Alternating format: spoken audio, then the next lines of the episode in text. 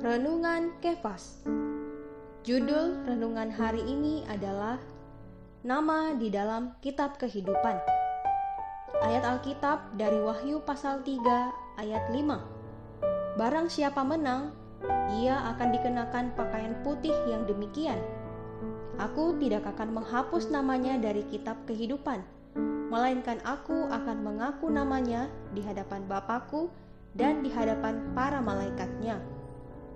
Sobat Kefas, begitu kita percaya Tuhan Yesus, kita mendapatkan hayat Tuhan.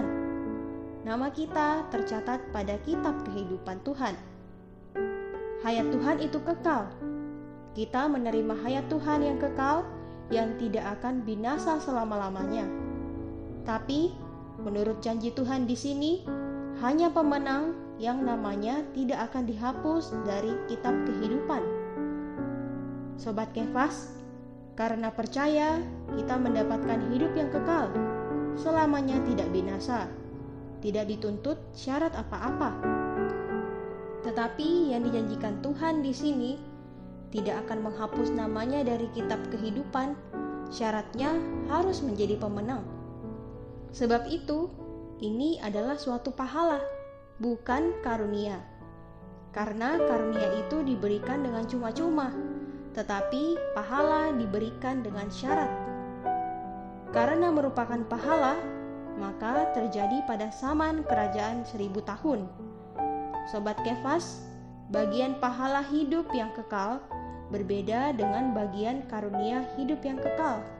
Yang satu diberi dengan cuma-cuma, yang lainnya lagi dibayar sebagai upah. Untuk itu, marilah kita sama-sama di zaman kasih karunia ini lebih banyak mencurahkan waktu kita untuk baik-baik mengasihi Tuhan Yesus dan senantiasa berdoa agar kita menempuh kehidupan yang menang di zaman ini. Amin. Terang hari ini, apakah kamu damba nama kamu tercatat di kitab kehidupan? Lalu, penghidupan yang seperti apa yang harus kita tempuh di zaman ini? poin doa, berdoa agar kita menempuh kehidupan yang menang di zaman kasih karunia ini.